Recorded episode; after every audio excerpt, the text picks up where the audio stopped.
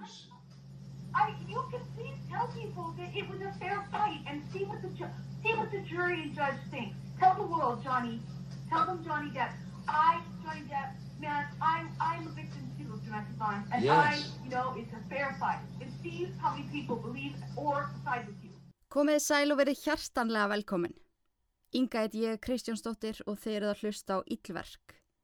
Hlaðvarpið sem að hefur svalað forvitni Íslendinga um sannsöguleg sagamál síðan 2019. Þessi þáttur er í bóði Six langtímalegu og kem ég til með að deila með ykkur fróðleg um það frábæra fyrirtæki þegar að líður á þáttin. Ég vil svo endilega fá að minna ykkur á Íllverk áskriftaleiðina.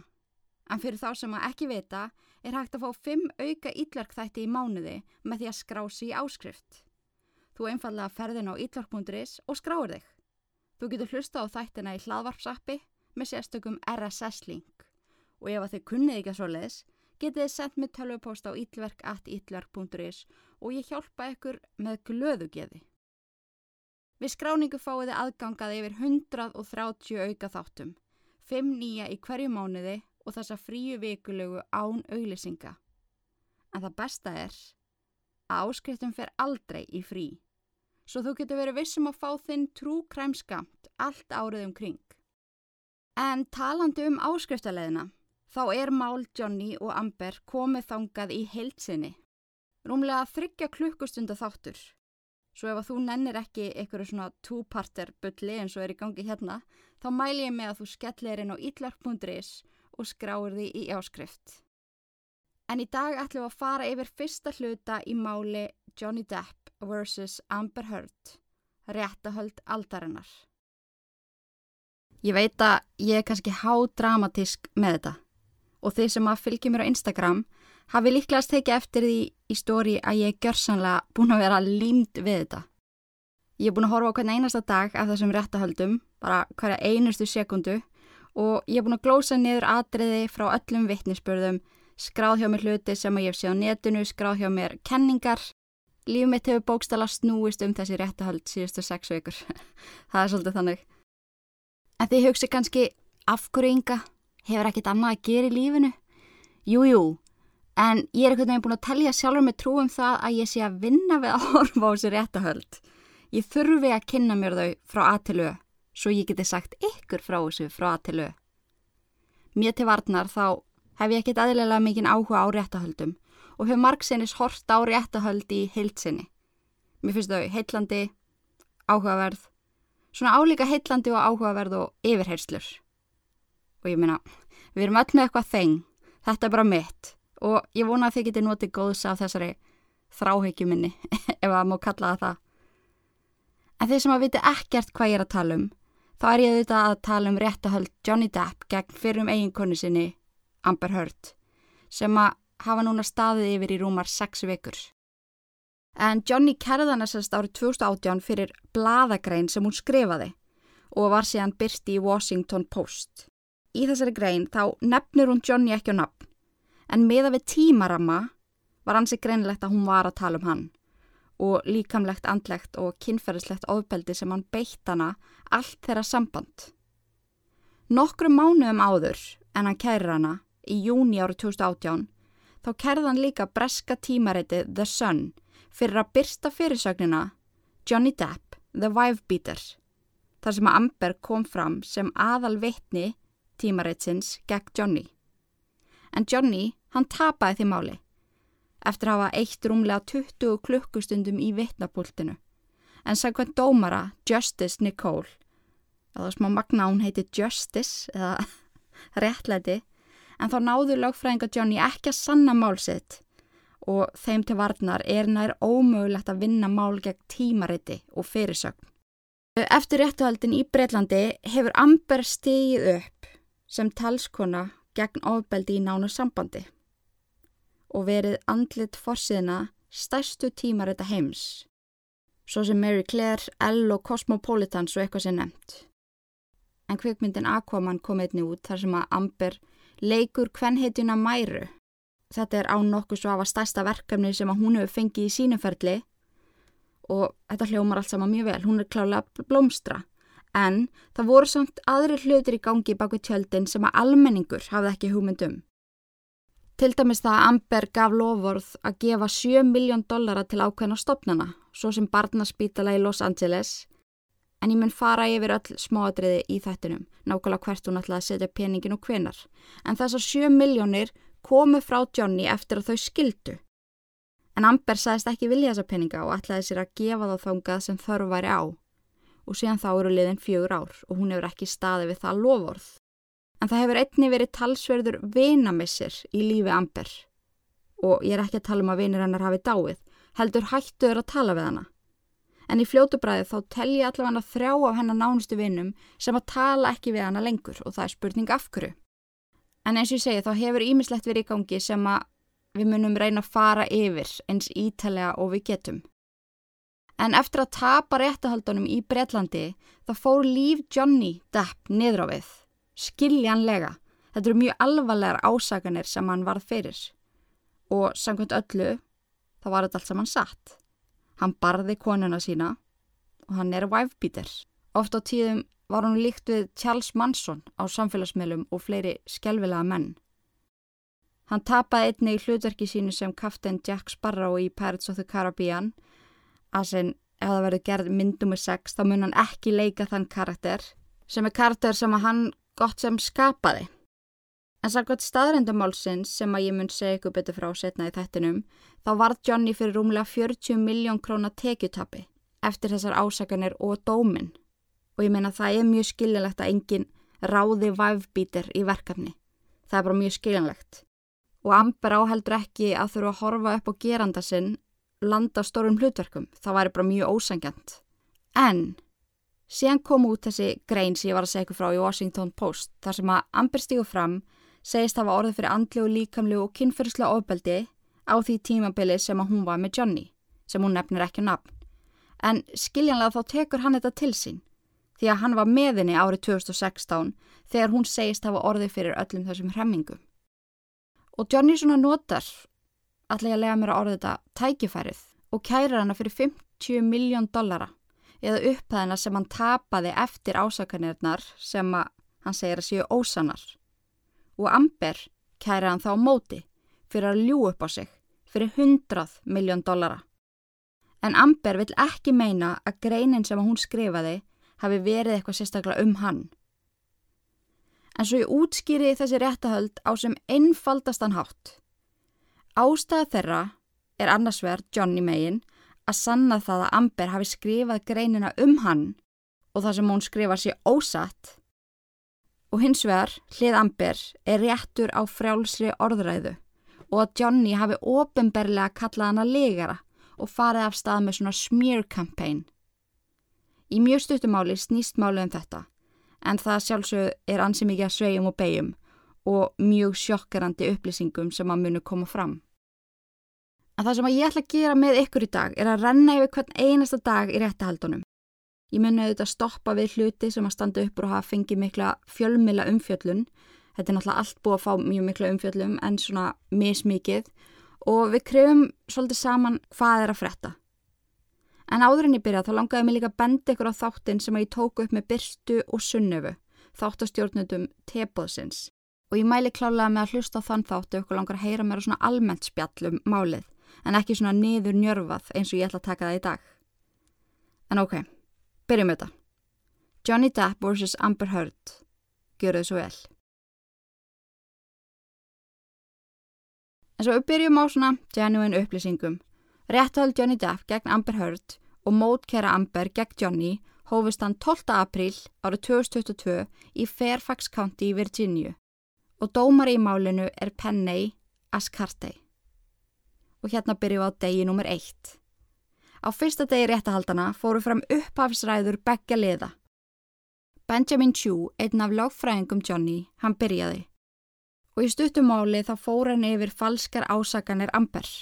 Hvernig hans teimi ætlaði að afsana það sem að hún ásakar Johnny um. Og að í endan muni kviðdómur sjá að Amber hafi grepið til örþrifa ráða og plana það að rýfa niður heim Johnny. Og mér langar að lesa fyrir ykkur þessa blessuðu grein sem að hrindi svo öllu á stað. Og ég þýtta nefnir á íslensku því að ég er á móti ennskuslettum. Nat, en þessi grein kom út í desember árið 2018 og hljóða svo. Ég var mjög ung fyrir ofbeldi. Ég vissi snemma ímsu hluti án þess að spurja um þá. Ég vissi að karlmenn hefðu völdin. Líkamlega, félagslega, fjárhagslega og margar stopnarnir stiðja við það fyrirkomulag. Ég vissi þetta löngu áður en ég kunna koma þessi orð og ég þóra veðja að þú lærði þetta líka ung. Líkt á margar konur hef ég verið áreitt og orðið fyrir kynferðislega ofbeldi á mentaskóla aldrei. En ég þagði. Mér þótti ólíklegt að ná fram réttlæti með því að segja frá og ég sá sjálfa mig ekki sem fórnalamp. Síðan fyrir tveimur árum var ég ofinbjörn persona og þólandi heimilisofbeldis og ég fann fyrir reyðinni ykkar hvenna sem að tjáðuð sig ofinbjörlega. Vini mínir og ráðgjafar sögðu mér að ég myndi aldrei vinna aftur sem leikuna. Kveikmynd sem að ég leki í endaði á að endugera hlutverk mitt. Ég var nýbúin að skrifa undir tveggjara herrferð sem andlit alþjóðlegs tískumerkis og fyrirtæki let mig fara. Spurningarna vaknuði einni hvort að ég myndi halda hlutverki mínu sem meira í kvikmyndunum Justice League og Aquaman Ég fekk hann að sjálfgeft tækifæri til þess að fylgjast með því í rauntíma hvernig stopnannir verja karlmenn sem hafa verið sakar um ofbeldi. Ímyndaðir valda mikinn mann sem skip, til dæmis Titanic. Skipið er resastórst og ber mikið magna fólki. Þegar að skipið lendur á ísjaka fer fólki á skipinu í mikilli örvendingu að gera við skipið. Ekki því að þau eru að hugsa um skipið, heldur því þeirra örlög eru háð skipinu. Undanfarin ár hefur MeToo-hreyfingin kent okkur hvernig slík völd virka. Ekki bara í Hollywood, líka í allskinn stopnunum. Á öllum sviðum þjóðfélagsins standa konur frammi fyrir þessum karlmönnum sem eru stuttir og hafa forréttindi félagslega, efnæðslega og menningarlega. En þetta byrja að breytast. Við erum að upplega breyta pólitíska tíma Fórseti landsokkar hefur verið sakara meirinn tök hvenna um kynferðis afbrott, þar á meða líkans ára sér og áreitni. Next lefur yfirlýsingum hans og hegðun hefur kveikt báli andstöðu fórustu hvenna. MeToo hóf umræðana um hversu djúbstað áhrif kynferðisofbeldi hefur á konum og öllum sviðum. Í síðasta mánuði voru fleiri konur kjörnar og þing en nokkru sinni fyrir í sögu okkar og þar hafa það markmið að taka málefni hvenna alvarlega. Reyði hvenna á staðfesta um að binda enda á kynferðisofbeldi mun á endanum breytast í óstöðvandi pólitíst afl. Við höfum núna tækifæri til þess að styrkja og byggja upp stopnarnir og venda konur. Til að byrja með getur þingið endurheimt og styrt laugin um ofbeldi gegn konum. Laugin voru fyrst samþygt árið 1994 og er einn áhrifaríkasta löggjöfin sem sett hefur verið til að berjast gegn heimilisofbeldi og kynferðisofbeldi. Það býr til stuðningskerfi fyrir fólk sem að tilkynni misnótkun og veitir fjármögnun fyrir naukunamiðstöðvar, láfræði aðstóð og aðra mikilvæga þjónustu. Það bætir einni viðbröð löggæslunar og það bannar mismunum gegn LGBTQ samfélaginu. Fjárveiting til verksins rann út í september á þessu ári en hefur aðeins verið framlengt tímabundið. Við þurfum að halda áfram að berja skekk kynferðsóbaldi á háskólasvæðum og á sama tíma krefjast betri ferla þegar að kemur að því að segja frá. Í síðasta mánuði lagði Betsy DeVos mentamálaráðara til breytingar á reglum EX titli sem að gildaði um meðferð kynferðislegar áreitni og ofbeldis í skólum. Þó suma breytingar myndu gera ferli við að meðhandla kvartanir sangjarnara, myndu aðrar vekja vend fyrir þá sem að eru þólendur kynferðisafbrota.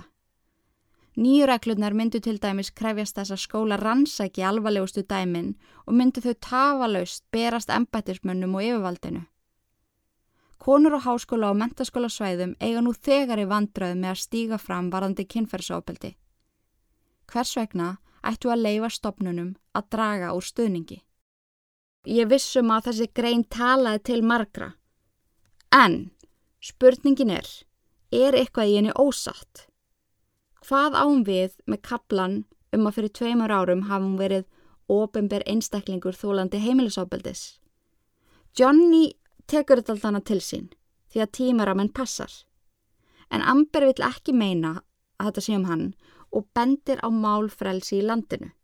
Hún kallar hann valdamikinn mann sem að fer markvist í það að ljúa upp á hana og hans markmið hafi alltaf verið að niðurlegina fyrir framann allan heiminn. Í opnunaræðu lögfræði teimis Amber þá stýgur hann Benjamin Rottenborn fram sem að er gæi sem að líkar ekki mjög vel við Johnny Depp og það er mjög augljóst í þessum réttuhöldum. En hann byrjar á því að benda það að nafn Johnny Depp komi aldrei fram í þessari grein og að það þurfu ekki alltaf snúast um hann. Hann lesu upp hræðileg skilabóð sem að Johnny skrifar um Amber í uppafsröðu sinni. Hann sýnir hviðt um ljósmyndir af Johnny döðadruknum, vídeo af hann og ganga bersesgang og hann lofa því að teimi Amber munu endanum sanna áfengi og fíknefnaneysla hafi gert Johnny að skrimslunu sem hann var orðin og hann hafi beitt Amber líkamlegu, andlegu og kynferðislega ofbeldi. Og ofan á það allt saman var hann að gera allt sem í hans valdi stóð til þess að eiðilegja fyrirlennar. Fyrsta vitni sem að Johnny kallar upp á vitnistand er Kristi Dembrowski sem er eldri sistr hans en hún talar um hræðilega æskuðara sískina en móður þeirra Betty Sue sem að fjall frá degi áður en Amber sóttu um skilnað beitti sískinni mjög alvarlegu andli og líkamlegu ofbeldi. Hún til dæmis uppnemdi þau. Hún til dæmis kallaði Johnny oft one-eye þar sem hann var með latt auga og þurfti að vera með svona lepp sem barn. En Kristi segi frá því að faði þeirra hafi kent um að flýja Betty Sue þegar þau sáu í hvað letti sem er eitthvað sem að Johnny tók með sér út í lífið Hann flúði aðstæður sem hann óttaðist. Hann flúði ef hann vissi út í hvað stemdi. En það var persónuenginni sem fór verulega í Amber. En Kristi segi frá því hvernig bróður hennar breyttist eftir hann byrjaði sambandi með Amber. Með hverjum deginu sér leið var hann meira og meira skilin af sjálfun sér.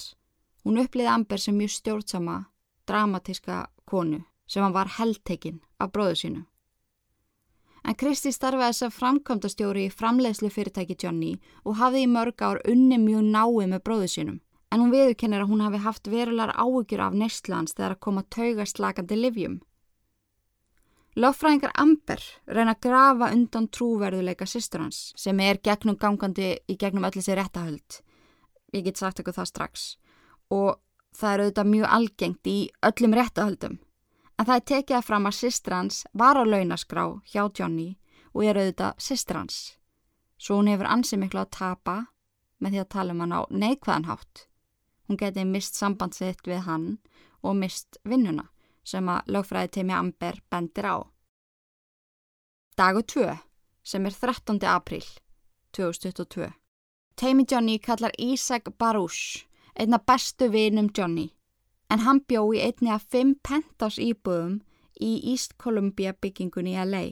En Johnny átti þessast fimm pentás íbúður í þessu háhísi, en hann bjó með Amber í íbúð nr. 3 og Ísak bjó í íbúð nr. 1. Ísak segist aldrei hafa séð Johnny beita Amber ofbeldi og hann hafi aldrei sé hana með neina áverka. En hann hitt hana eftir að Johnny átti að hafa grítt síma í andliti á Amber. Þannan dag er einnig spilað öryggisvídjó úr East Columbia byggingunni en þar sést til Amber og sýstur hann á Whitney. Láta fyrir ekkar undarlega en Whitney þykistu kýlir Amber í andlitið. Amber svona þykistu teku við högginu og það er hlæja svo saman sem að þykir heldur taktlust af manneski sem lendi mjög alvarlegu ofbeldi sama dag. En þegar þetta vídeo kemur í ljós þá verða til þær getgátur af Whitney og Amber séu eitthvað svona ráðabruggi gegn Johnny eftir að hann vil skilja við hana. Dagu þrjú sem er 14. april árið 2022. Fyrst þennan dag er Kate James fyrir um aðstofakona Amber og hún stígur fram sem Whitney fyrir Johnny. Vittnisspurður hennar er ótrúlega áhugaverður, ég hef aldrei séð neitt haga sér svona í réttasall en í fyrsta lagi þá hljómar hún ótrúlega pyrruð eins og hún nennus ekki neitt og í öðru lagi þá segir hún hversu ótrúlega anstíkileg Amber var við hana. Hún hafi ofta tíum ringt í hann um miðjanætur og krafið hann um að koma. Hún hafi öskra á hana, skýrt í andlita á henni, vannvirt hana á tímennar og overall komi virkilega illa fram við hana sem starfsmann og borgað mjög illa. Hún hafi einu sinni beðið um herrilaun og þá hafi Amber svarað af hverju ætti ég að borga þér herri laun. En hún segi frá mörgun reyfröldum á milli Amber og Johnny sem að hún var bæði vittni af og heyrði innan úr öðrum herbyggjum.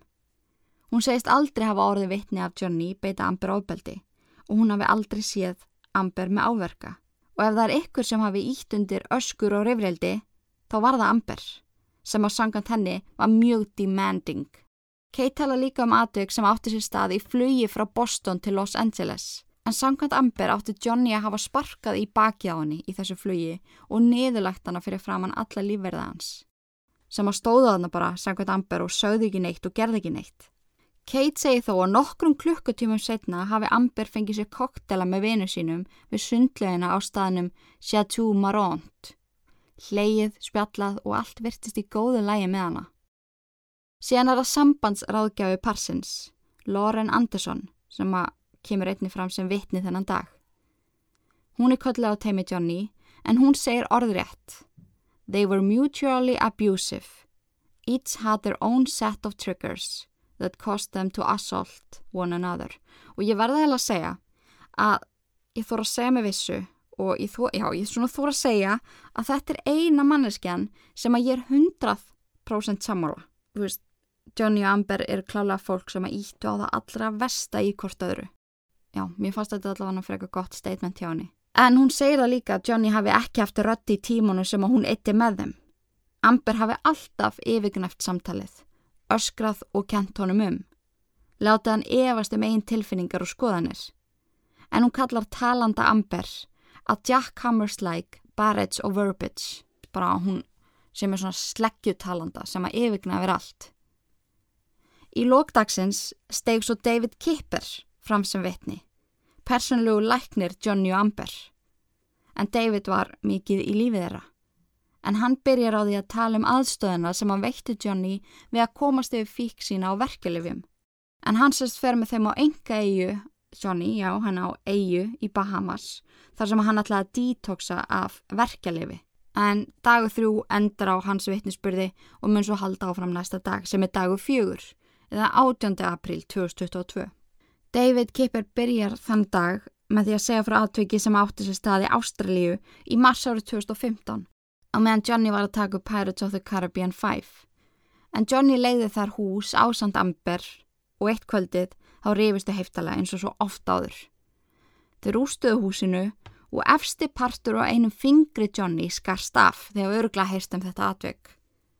En David leitaði ásamt húsverði húsins af toppnum af fingrinum og gerði að sári Johnny. Hann segi frá því að Johnny hafi fyrst um sinn neitað að fara á spítala og verið tregur til að segja hann hvað kom fyrir. En hann hafi að lókun sagt hann að Amber hafi kastað í hann stórið vodkaflösku sem að splundraðist á hendina á hann og skar toppin af fingrinum af. Hjúgrunafræðingurinn Debbie Lloyd sem að starfaði með David Kipper, en þau voru svona teimi fyrir Amber og Johnny, kemur svo eftir David Kipper sem vittni. En hún talar um hversu ótrúlega erfitt ferlið afeiturinn Johnny var. Ekki nómið það að það sé viðbjör að dítóksa að lifi sem að þú hefur verið háður í mörg ár. Þá hjálpaði ekki að Amber var stanslist að andmæla öllu sem að Johnny sagði og gerði. Og úr því eruðu til mörgur yfireldi. Sem að enduðu þannig að Johnny flúði aðstæðunar sem að gerði Amber ennþá reyðari. Hún lefði honum ekki að fara. Hún eldan á melli herbyggja, öskraði og lamdi á hurðinnar. Johnny saði að lókum að hann gæti ekki gert þetta með Amber á eiginni og let fljúinni aftur heim til Los Angeles. En sangkvæmt því sem að Debbie fekk að vita frá Johnny sjálfum í sambandi við reyfrildið, sem að var það alvarlegt að Amber þurfti hreinlega að fara, þá hafði þetta allt byrjað með því að Johnny nefndi við hann að hjúskapa samning þeirra á milli og Amber tók því mjög illa. Dagur fjögur enda svo með lífverði Johnny, Sean Batt, en hann var sá sem að tók myndir af áverkum í andliti Johnny eftir reyfrildi við Amber en sangkvæmt Johnny átti Amber það til að kíla hann í andlitið með kreftum nefa og sláan sem að skildi eftir glóðuraugu og skrámur. Dagur 5, 19. april 2022, sennilega besti dagur ásins. Johnny Depp stígur sjálfur upp í vitnapúlt, mér til heiðus að því átti ammali. Jók. En þetta er dagur sem hefur hvað mest verið greindur af alls konar sjálfskeipum, sérfræðingum og áhuga sérfræðingum á internetinu en ég held að ég hafi séð eitthvað um þrjú vídeo af líkamstjáninga sérfræðingum rína í svipi hans og hrefingar. En eins og þið viti þá er Johnny þekktur fyrir að tala mjög hægt og gefa sér tíma í allar frásagnir og tala ógustlega djúft og auk þess að gefa mun lengri svör en hann er raunverulega beðin um. Eitthvað sem átti eftir að fara verulega í taugarnar á Benjamin Rottenborn, lögfræðing Amber. Það myndi taka mig marga daga að tala um hvert smáadrið sem að Johnny fyrir yfir í sínum vittnisspurði en svo í stikli á mjög stóru þá talar hann um að eini tilgangur hans með að vera þarna sé að hreinsa nafni sitt eftir að fyrir um eiginkonans, Amber Heard, ásakaði hann um hræðilega hluti. Hluti sem að fóru svo um internetið eins og eldur um sinu og fólk um allan heim trúði því í alvörunni að hann væri vivebítir. Hann segir orðrétt It's not the truth whatsoever. I felt I had to stand up for myself and my children sem á voru þarna 14 og 16 ára, þau Jack og Lily Rose. Það er hræðilegt að hugsa til þess að þau hafi þurft að fara í skólan og mæta þar forsýðum og tímaritum með myndum á amber með glóðurauga sem að ég á að hafa veitt henni. I pride myself with honesty and the truth, segir Johnny. Hann talar um fíknefna nýsli sína sem að hófst þegar hann var barn en hann kynntist læknadópi fyrst þegar að mamman spaðum að retta sér the nerve pill Hann hafi smakka einast líka og í raun aldrei snúið tilbaka.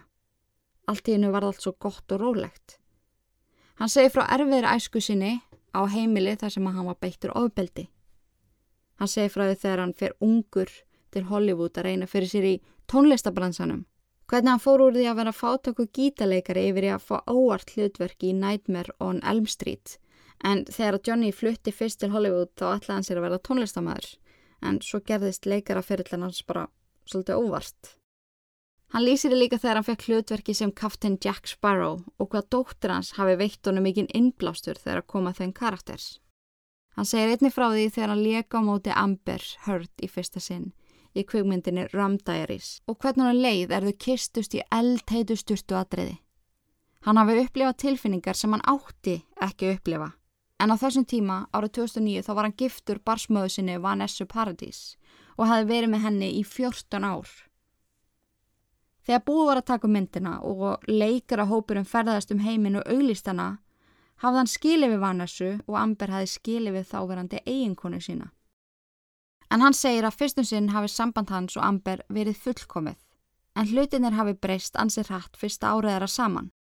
Hann fór að finna fyrir gríðalegri þráhyggju frá henni í sinn garð og stanslesan óta um hann væri að fara frá henni.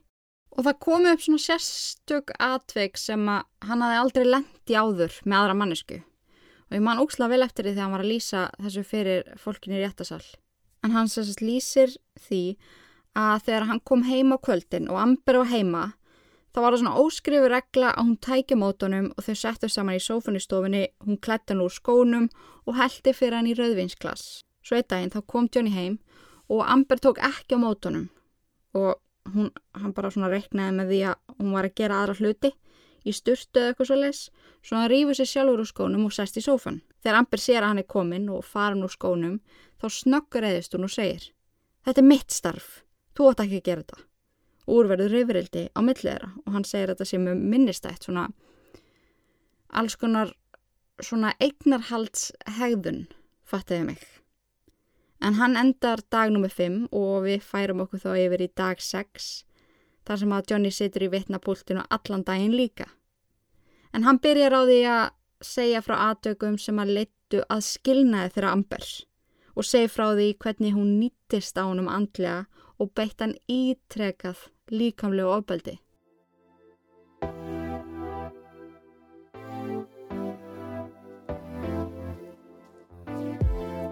Ég er ekkit aðlilega spennt fyrir nýjasta styrstaræðila þáttarins. En nú á dögunum skrifaði ég undir skemmtilegan samstarfsamning við Sixt bílalegu. Sko, því þakki mig. Ég nenni ekki að vera eitthvað búlsitta í ykkur með eitthvað gagslösar auðlýsingar og ég tek aldrei við samstörun sem að make ekki sens fyrir mig.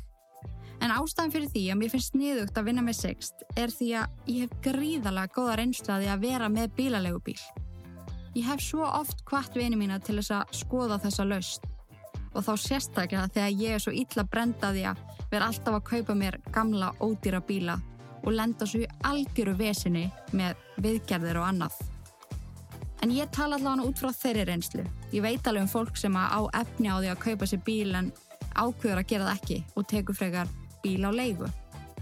En ég hef alltaf, bara frá því ég fekk bílpróf, verið á gömlum bílum og lendi svo miklum hrylling og útgjöldum að ég náði aldrei að safna með pening þegar ég var á mínum early 20s árum sem að ég er ekki lengur á.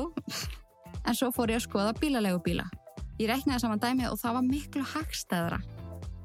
Þá vissi ég að ég var á nýjum örugum bíl og innifæli í þjónustinni eru viðgerðir og í rauninni allt, nema bensín. Og ég var með þannan bílalegu bíl í tvö ár.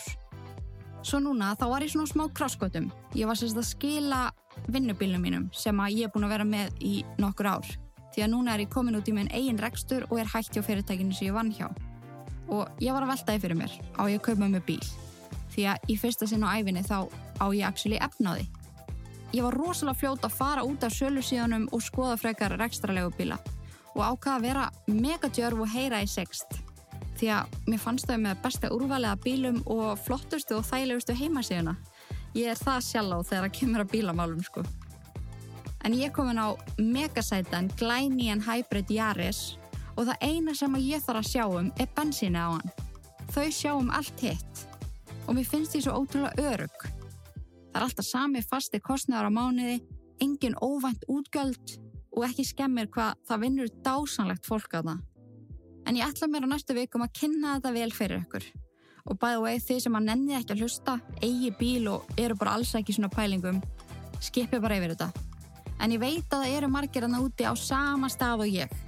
Og ég skal gera ykkur að sérfræðingum í þessu. Því þetta er svo farlega sniðut.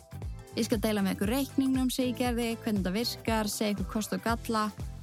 En ég ætla að láta þessar upplýsingar döga í byli svo að þetta sé ekki of mikið fyrir ykkur. Tökum eitt skrif í einu. en ég vil bjóða Sixt bílalegu hjartalega velkomin í Ítverkfjölskylduna og ég hlakka ótrúlega til að deila með ykkur alls konar fróðuleik og ég hlakka mega til að vinna með þeim áfram. Og hei, ef að þeir eru svona pælingum, ekki hika við að heyri mér eða þeim fyrir upplýsingar. sixbílalega.is langtímalega á hagstæðum kjörum. Takk og bless.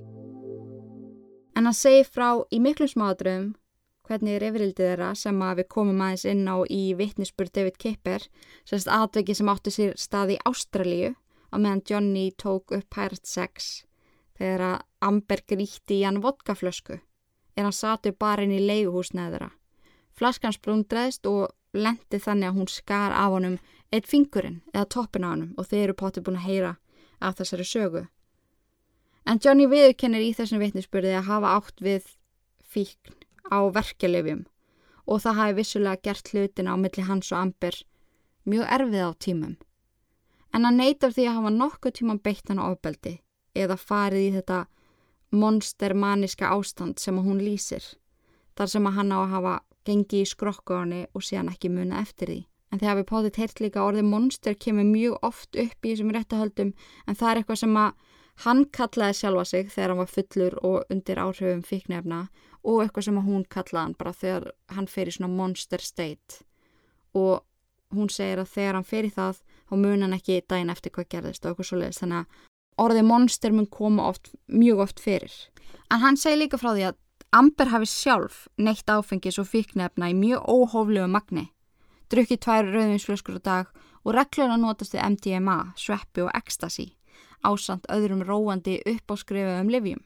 Og hann endar vittnesbursinn þennan dag á því að segjast að hafa verið allt og lengi í þessu hjónabandi en hann hafi óttast að fara frá Amber því hún hótaði ítrekka að taka sitt eigi líf ef hann færi frá henni. Rétt eins og móður hans gerði við föður hans í þau skipti sem að hann sagði stili skilnað.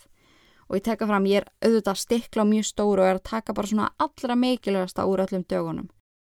En svo ef við förum yfir í dag nr. 7 sem er 21. april 2022 uh, þá byrjar dagurinn með Johnny þriða daginn hans í vittnapúltinu og það er cross-examination að löffræðingi Amber, Benjamin Rottenborn en eins og ég talaði maður um þá er mjög augljóst og hún líkar ekkert sérstaklega vel við Johnny en það var mjög augljóslega hans markmið að grellan og grafa undan eins mörg og hann gat sem hafi komið fram síðustu tvo daga.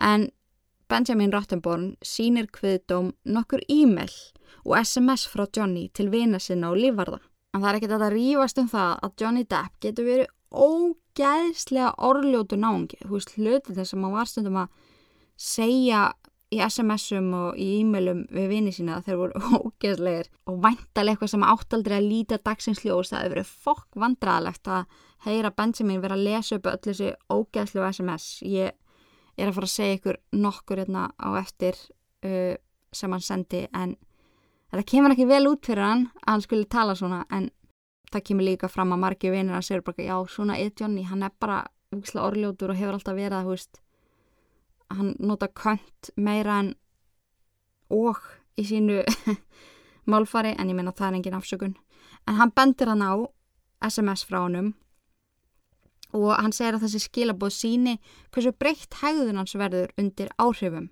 En svo sínir Benjamin líka hviðdóm vídjó af Johnny, fyrsta vídjó evidenceið. En í þessu vídjó þá er hann að skella eldúrskápu, sparka í þá, bróta glös og hella sér svo í megapænt af rauðvinni. Setning sem að hefur orðið ansi fræg en það ekkit eðlilega fyndið. En hann helli sér í stórtu rauðvinsklass, hann mjög snemma að morgunin. Og lagfræðingurinn hann segir bara þú hellir í megapænt af rauðvinni það ekki og Johnny er bara að megapænt það ég fekk mér rauðvin en ok þegar potið heyrst þetta. En þetta sérst vídeo er frá Amber og hún ákveður að taka það þannig upp að fullum og reyðum eigimenni sínum. En Johnny endar á sjásíman rífa nafinni og reyna að slokka á upptökunni. En í upptökunni heyrist til hann segja að það sé ólöglegt að taka upp fólk í leifisleysi.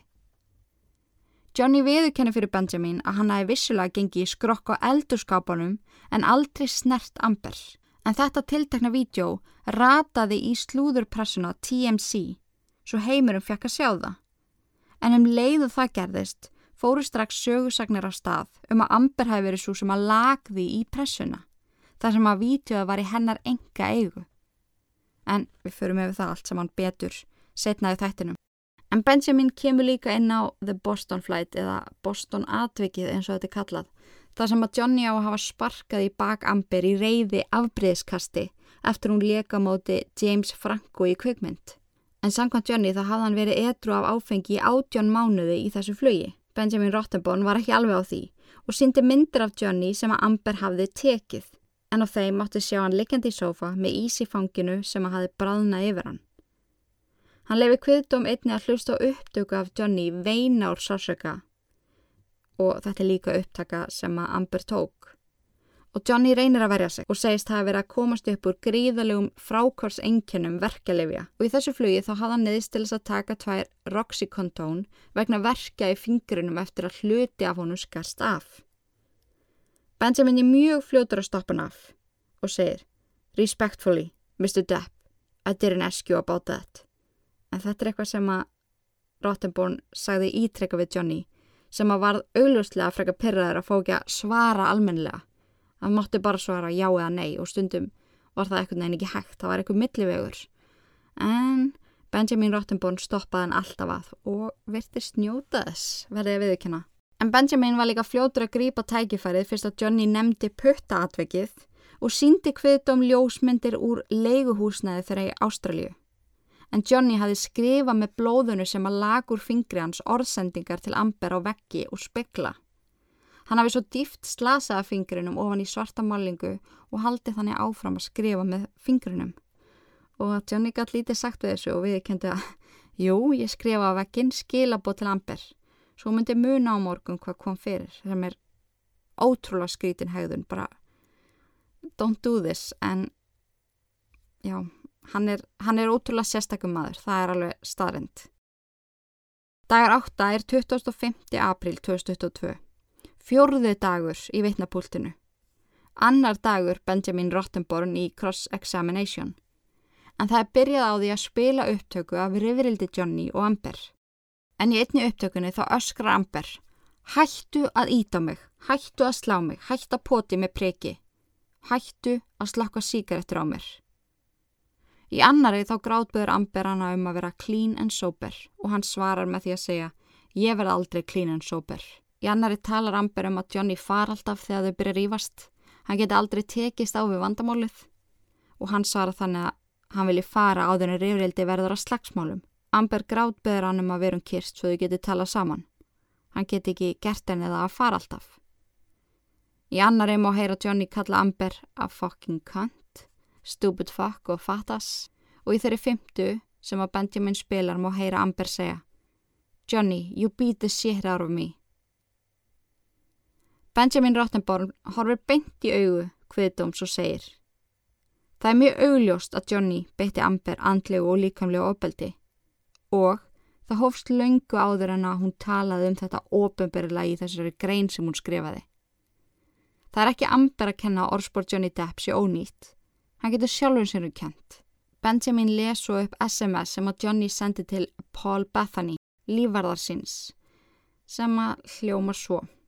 Let's burn Amber. En Johnny segist að það var sendið þetta í mikilli reyði þar sem að Amber hafi verið svo ótrúlega dónaleg við átjónara són Paul sem að fóra að gráta.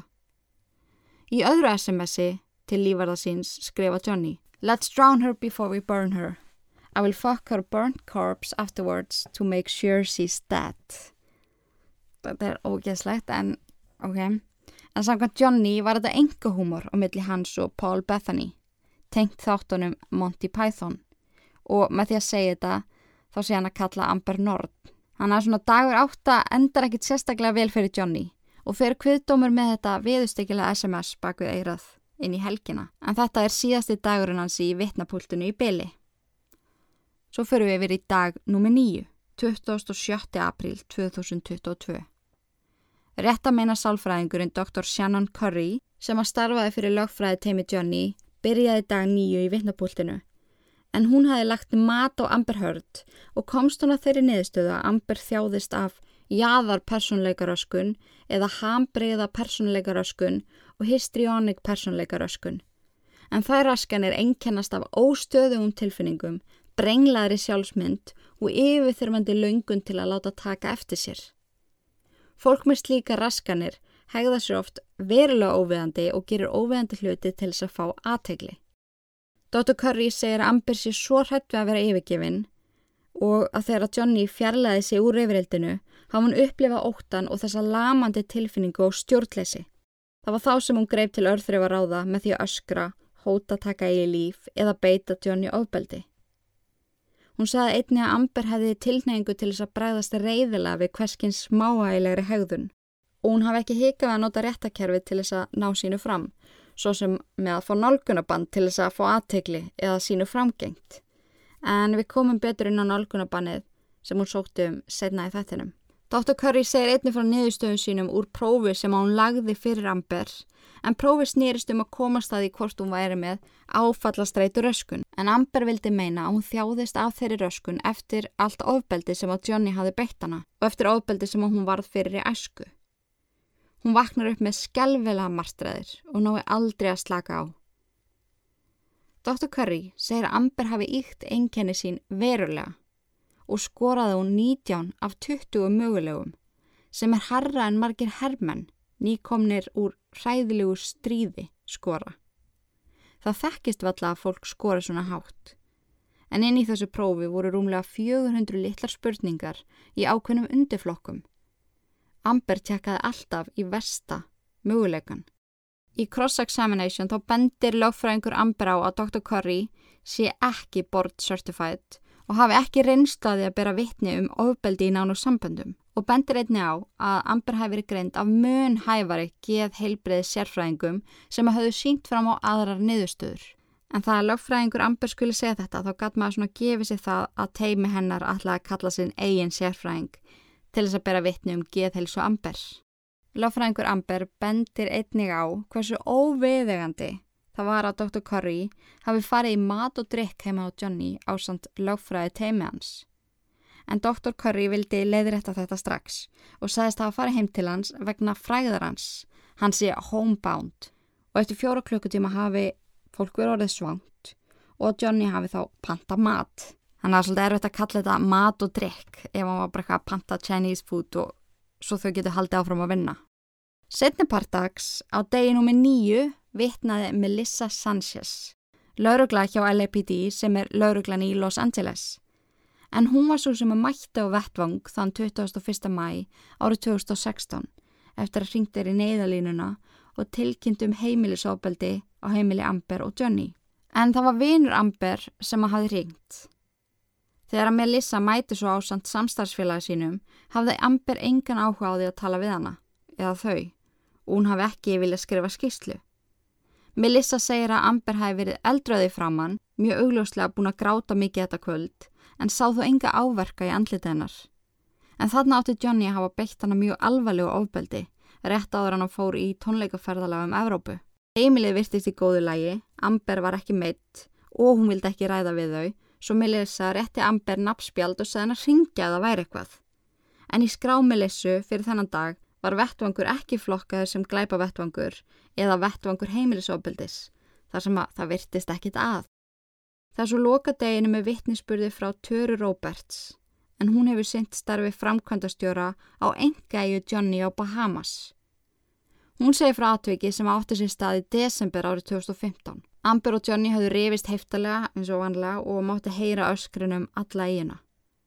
Setnaðan um kvöldið hafði hún svo séð Johnny illa marinn á nefinu og hann sagðist vera að flýja frá Amber til þess að fá smá frið og Amber hafi hlaupið á eftir honum og grátt beðan um að koma aftur inn í húsið sem að þau dvöldu í. Þannig að þetta var svolítið þannig, þau fóru að rýfast, hann enda að flýja og hún grátt beðan um að koma aftur sem enda yfirleitt í meira reyfrildi. Ekkert eðlilega toxic samband.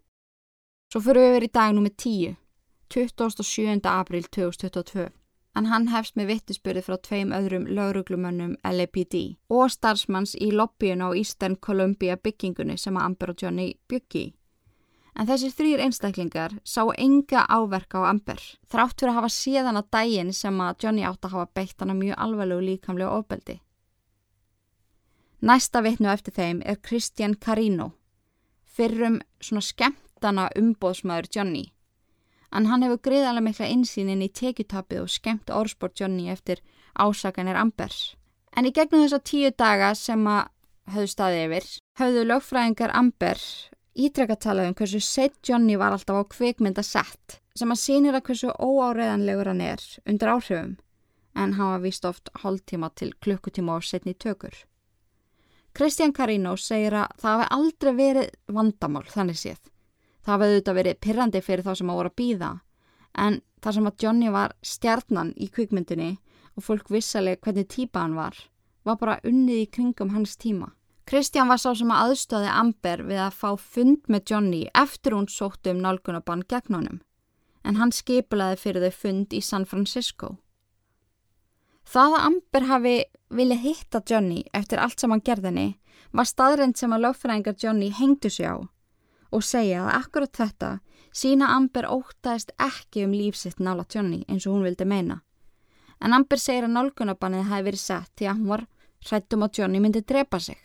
Síðasta vitni dagsins var skilnaðalögfræðingu Johnny, Laura Wessers.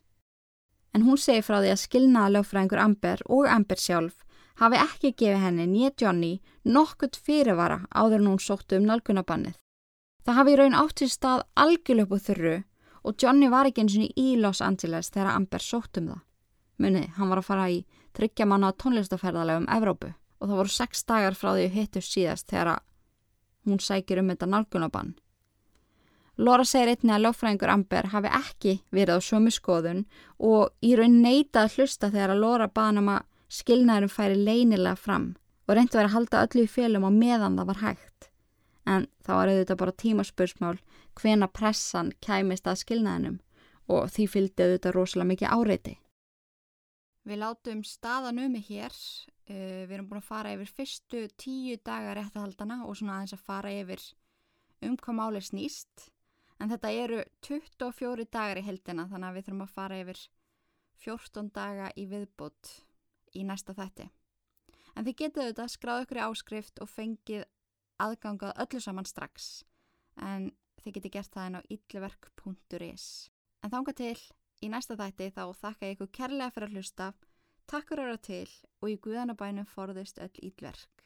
Nema þetta podcast. Verið sæl.